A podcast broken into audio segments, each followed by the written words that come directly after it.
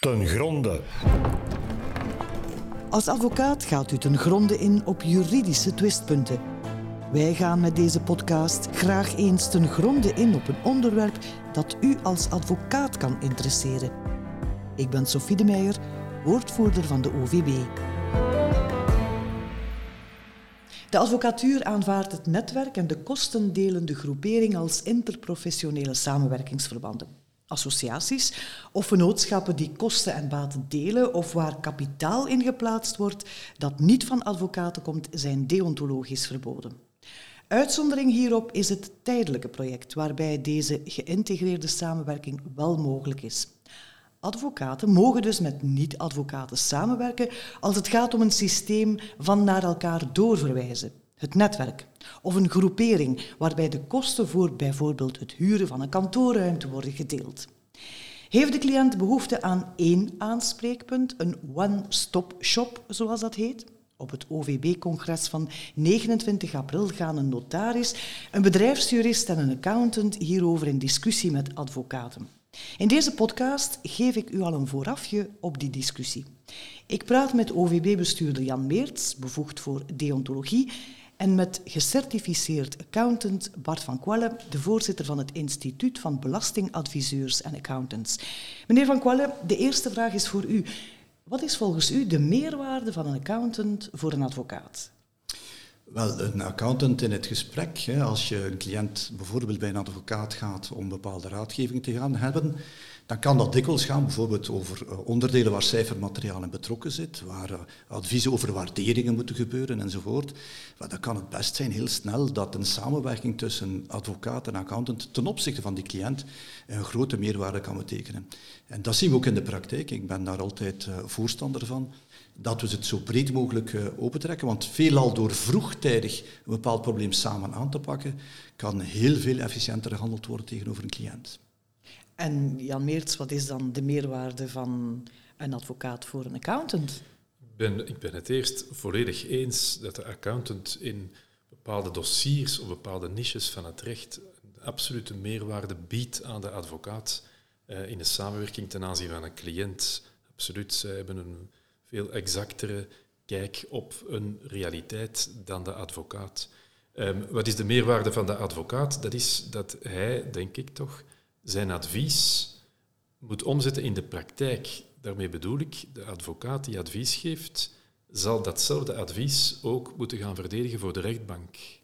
En zal dus wel moeten zorgen dat dat advies rechtbankproof is. Terwijl andere adviserende beroepen, eh, het stopt bij het advies en komt er ooit een conflict, dan zal het wel iemand anders moeten oplossen. Ja, maar dat vind ik nu, als ik mag, hè, eh, eh, een heel snelle reactie. Zo van, ja, wij moeten het wel oplossen.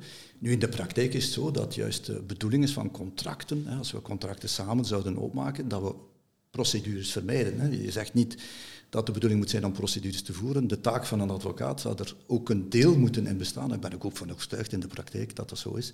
Maar dat er voor een deel moet in bestaan om juist te zorgen dat we procedures vermijden en juist op de dingen elementen. Vanuit dat samenwerkingsmodel geloof ik wel dat we dat nog beter kunnen aanpakken. Nee, nee, volledig akkoord. Maar ja, als partijen die geadviseerd worden zeer goed overeenkomen, heb je weinig op papier nodig natuurlijk, hè, want het zal zich wel uitwijzen.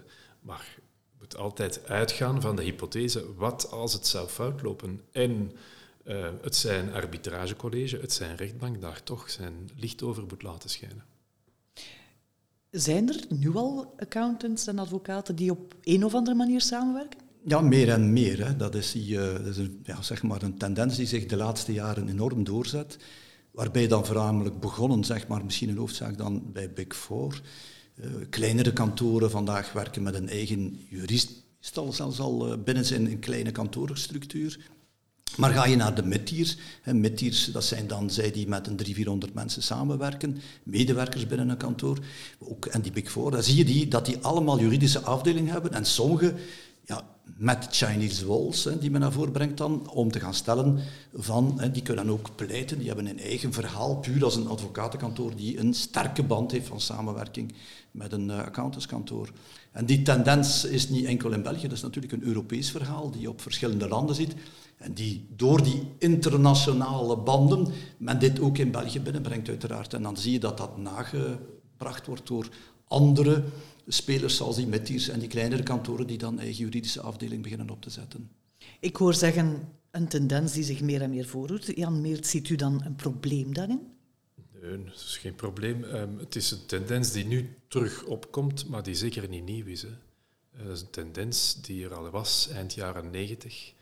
Dat is dan een beetje ontploft en gaan liggen, stilaan teruggekomen. Dus het is een beetje een golvende beweging. Wat de constante wel is geweest, dat is sinds eind jaren 90, heeft men altijd gezegd, het is een bijzonder urgent probleem. Los het op, vooraleer dat het in uw naam door anderen, lees de overheid, zal worden aangepakt. Die urgentie zie ik nog niet meteen. Wat wil zeggen dat uh, de evolutie wereldwijd en zeker Europees uh, meer en meer gaat in uh, het afkalven in het algemeen van het beroepsgeheim. Men heeft dat niet graag, de politiek ook niet. En, uh, en transparante structuren. En dus, ja, dat is wel een evolutie waar, waar we samen uh, moeten waakzaam zijn voor initiatieven die van overheidswegen worden genomen. Absoluut. Ja, kom graag straks eens terug over dat beroepsgeheim, want dat is wel zo. Hè. We moeten daarvoor samen uh, strijden, is een groot woord natuurlijk, hè, maar eigenlijk waakzaam zijn dat de overheid daar uh, ja, eigenlijk de vingers afhoudt in het belang van onze economie, vind ik, op, op zijn geheel. En voor de cliënt aan, aan zich. Uh, maar ik wil even terugkomen over die tendens van Europa uiteraard. Dat is dat uh, je ziet dat Europa in die jaarlijkse verslagen die ze maakt, of soms tweejaarlijkse verslagen die ze maakt, over samenwerkingsverbanden en het interprofessioneel samenwerken, die ze per land meet, dat we als België daar niet altijd de beste uitkomen. Hè. Dat andere landen ons voor zijn. En dus zeggen, ja, het is een tendens die kwam, die al weg is gegaan en terug is gekomen, is een tendens natuurlijk die binnen Europa vandaag de dag meer en meer naar de voorgrond uh, wordt gebracht. En waar ik en binnen ons, het eigenlijk uh, van mening zijn dat het beter is dat we zelf alles in handen nemen voor Europa dit oplegt aan ons en dat we de goede voorbeelden die bestaan, en ik verwijs graag naar Frankrijk, waar men uh, de La Société Pluriprofessionnelle, ik zocht nog een keer weer terug, ik ben ze even kwijt, excuseer mij, La Société Pluriprofessionnelle d'Exercice, de SPE, dat is een samenwerkingsmodel tussen advocaten, notarissen, gerechtsdeurwaarders, bedrijfsrevisoren en accountants, die daar bestaan en waar um, heel duidelijk de bedoeling heeft om juist de respecten van elkaars beroep, hè, dus de zorg over uh, het beroepsgeheim die er is, de zorg van de scheiding hè, tussen ja, de conflict of interest die daar zou kunnen ontstaan enzovoort, dat we die volledig kunnen inkaderen, inkapselen, de verschillen van elkaar te ontdekken, maar het is beter die pluspunten van elkaar te onderlijnen. En dus in die zin ben ik geneigd om te gaan stellen van liever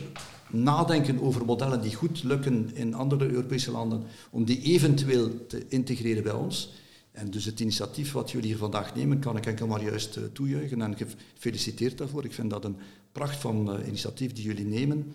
En dus bij deze samen nadenken over, zijn er die dingen die we samen kunnen verbinden, zijn belangrijker voordat anderen dat opleggen. Het woord is al een paar keer gevallen, beroepsgeheim. Is er eigenlijk een verschil in het beroepsgeheim van een advocaat en een beroepsgeheim van een accountant? Mag ja, ik, ja, zeg maar. Mag ik eerst? Ja, ja. alstublieft. ja, natuurlijk is er een verschil. Um, het beroepsgeheim van de advocaat is niet het beroepsgeheim dat strafrechtelijk gesanctioneerd is, omdat het strafwetboek aan diverse professionele dragers van een beroepsgeheim een strafrechtelijke beteugeling oplegt als je het schendt. Bon.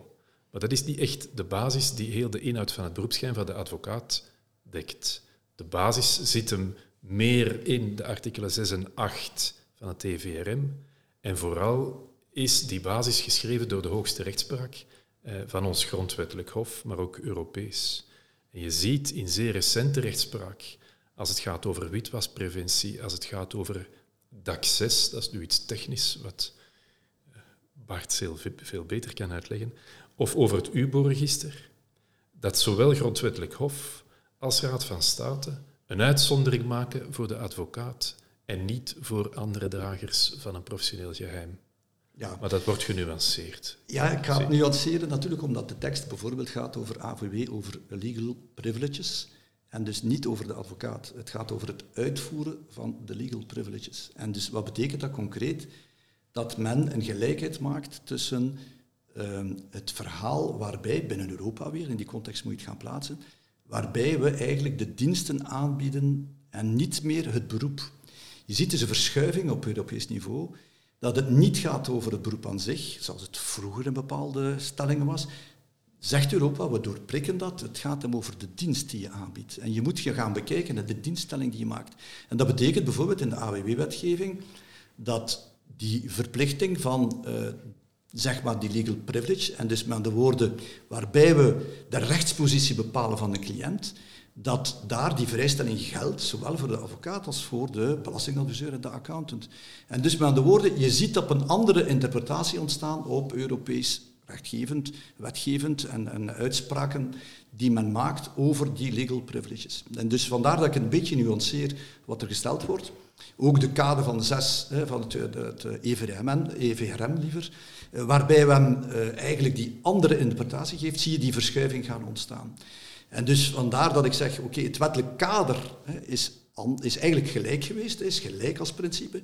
Er is dan ooit, het, een van het eerste hoogste rechtscollege ooit een uitspraak heeft gedaan, dat snapt me nu juist wie, maar die dan een uitspraak heeft gedaan om dat onderscheid een beetje te lijnen, onderlijnen van advocaten.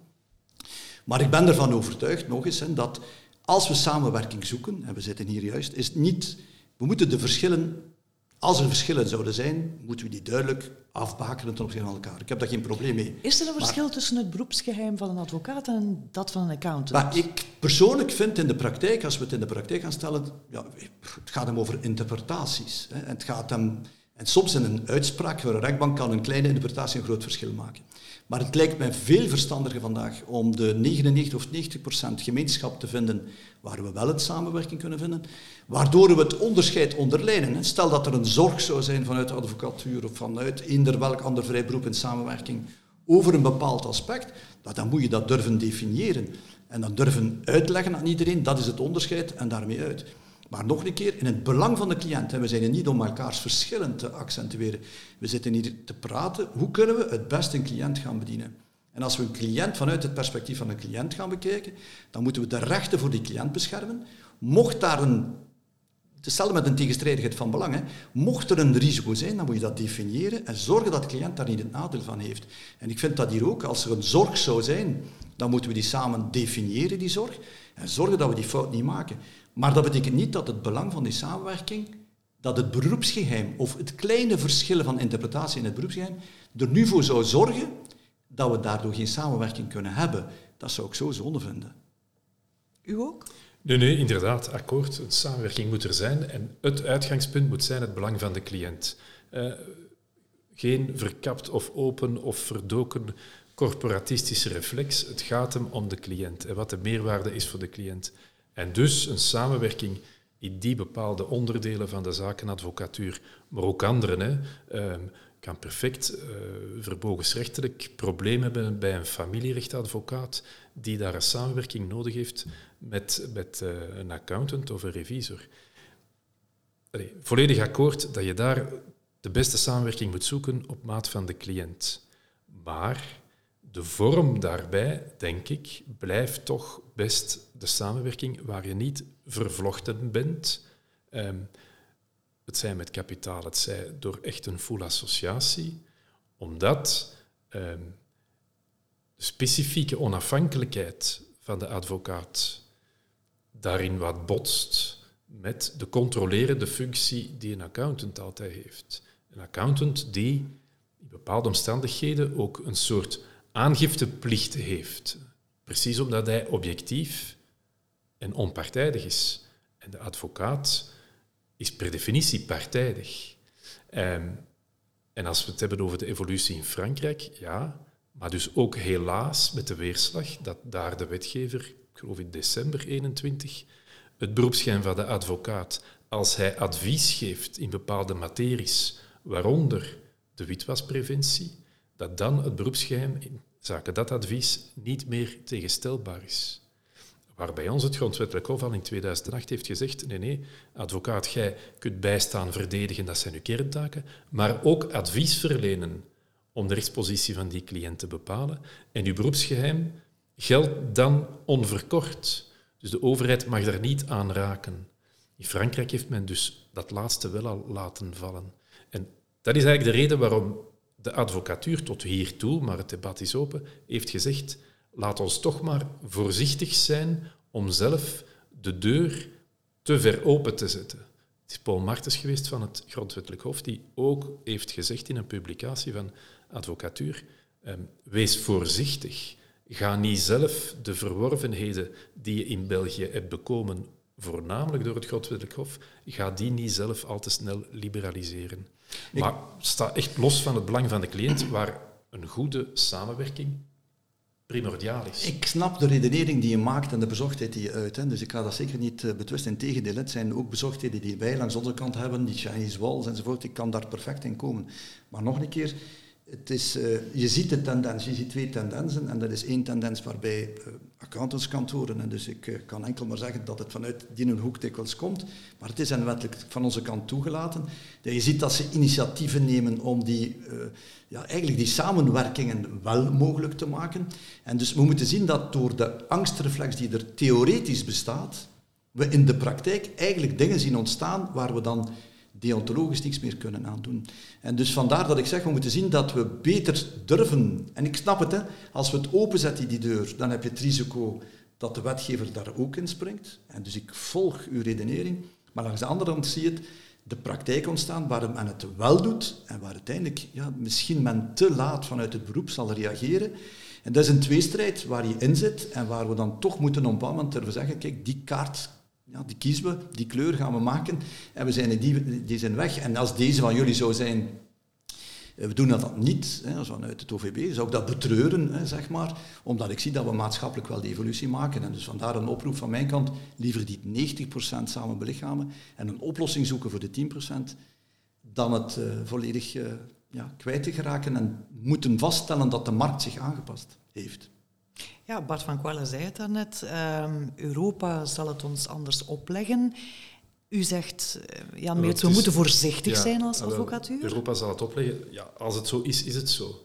Dat is voor mij geen reden om nu proactief, want die sense of urgency is er al meer dan twintig jaar. Als je de, de publicaties leest destijds al van bijvoorbeeld Roel Nieuwdorp, die zeggen opgelet, het is vijf voor twaalf, maar dat schreven die twintig jaar geleden. Hè.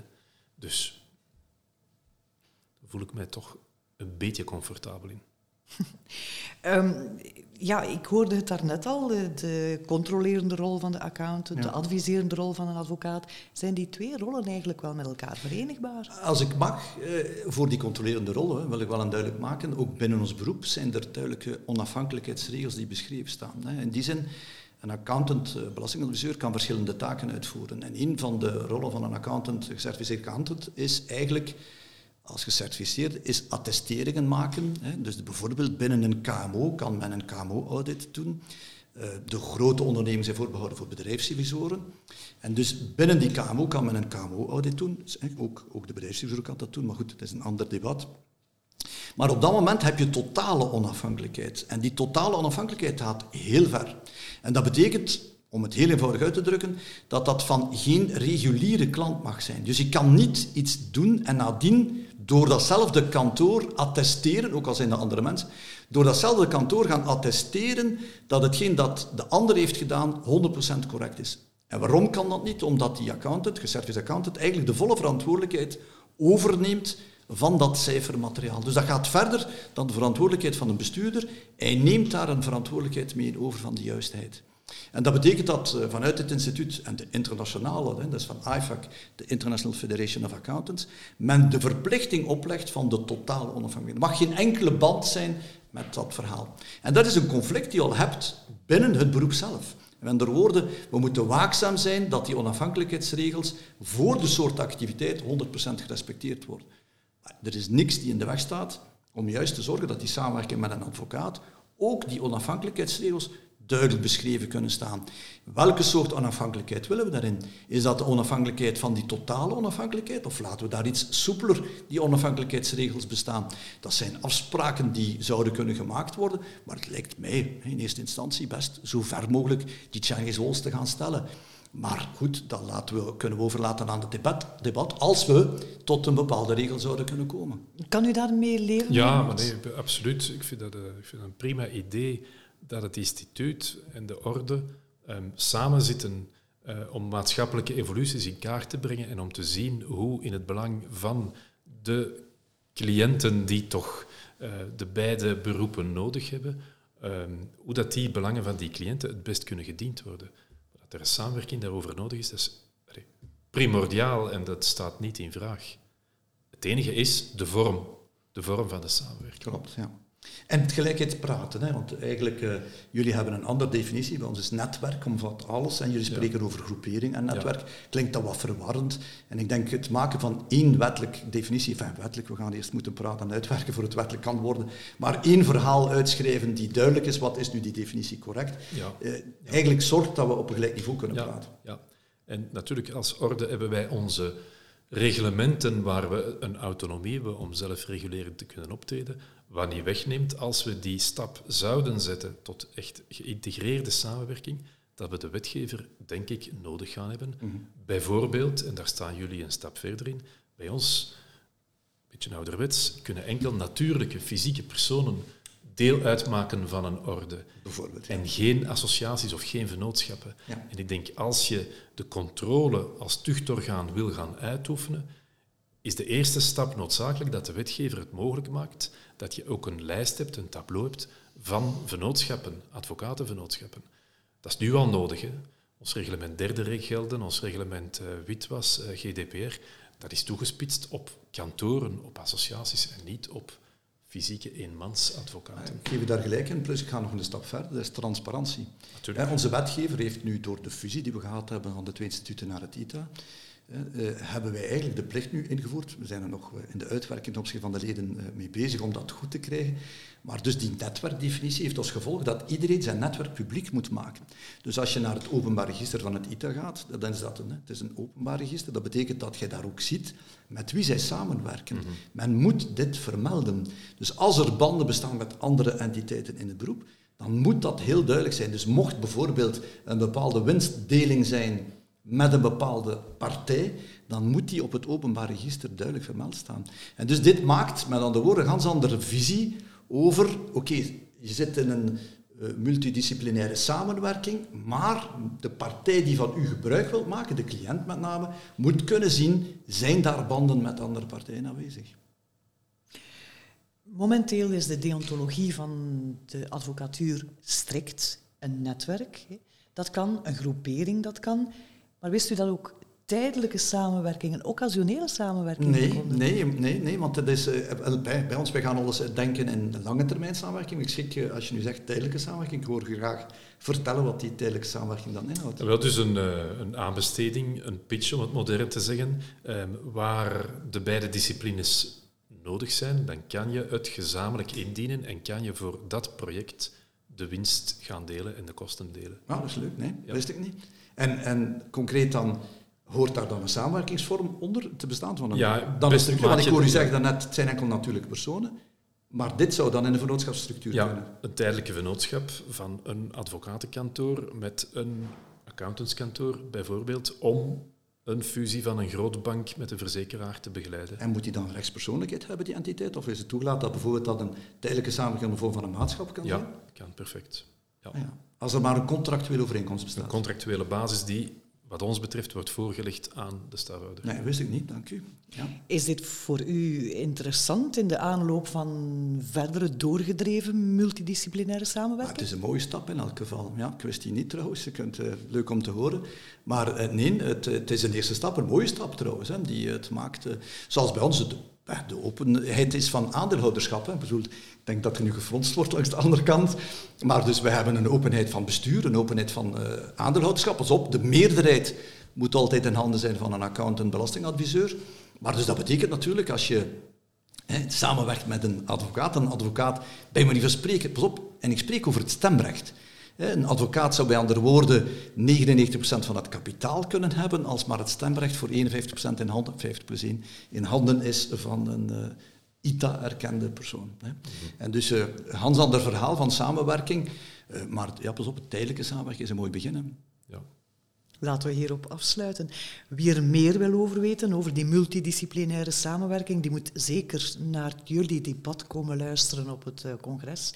Waar dan ook nog een notaris en een bedrijfsjurist aan deelnemen. Dank u wel, Jan Meerts. Dank u wel, Bart van Kwallen. Graag gedaan.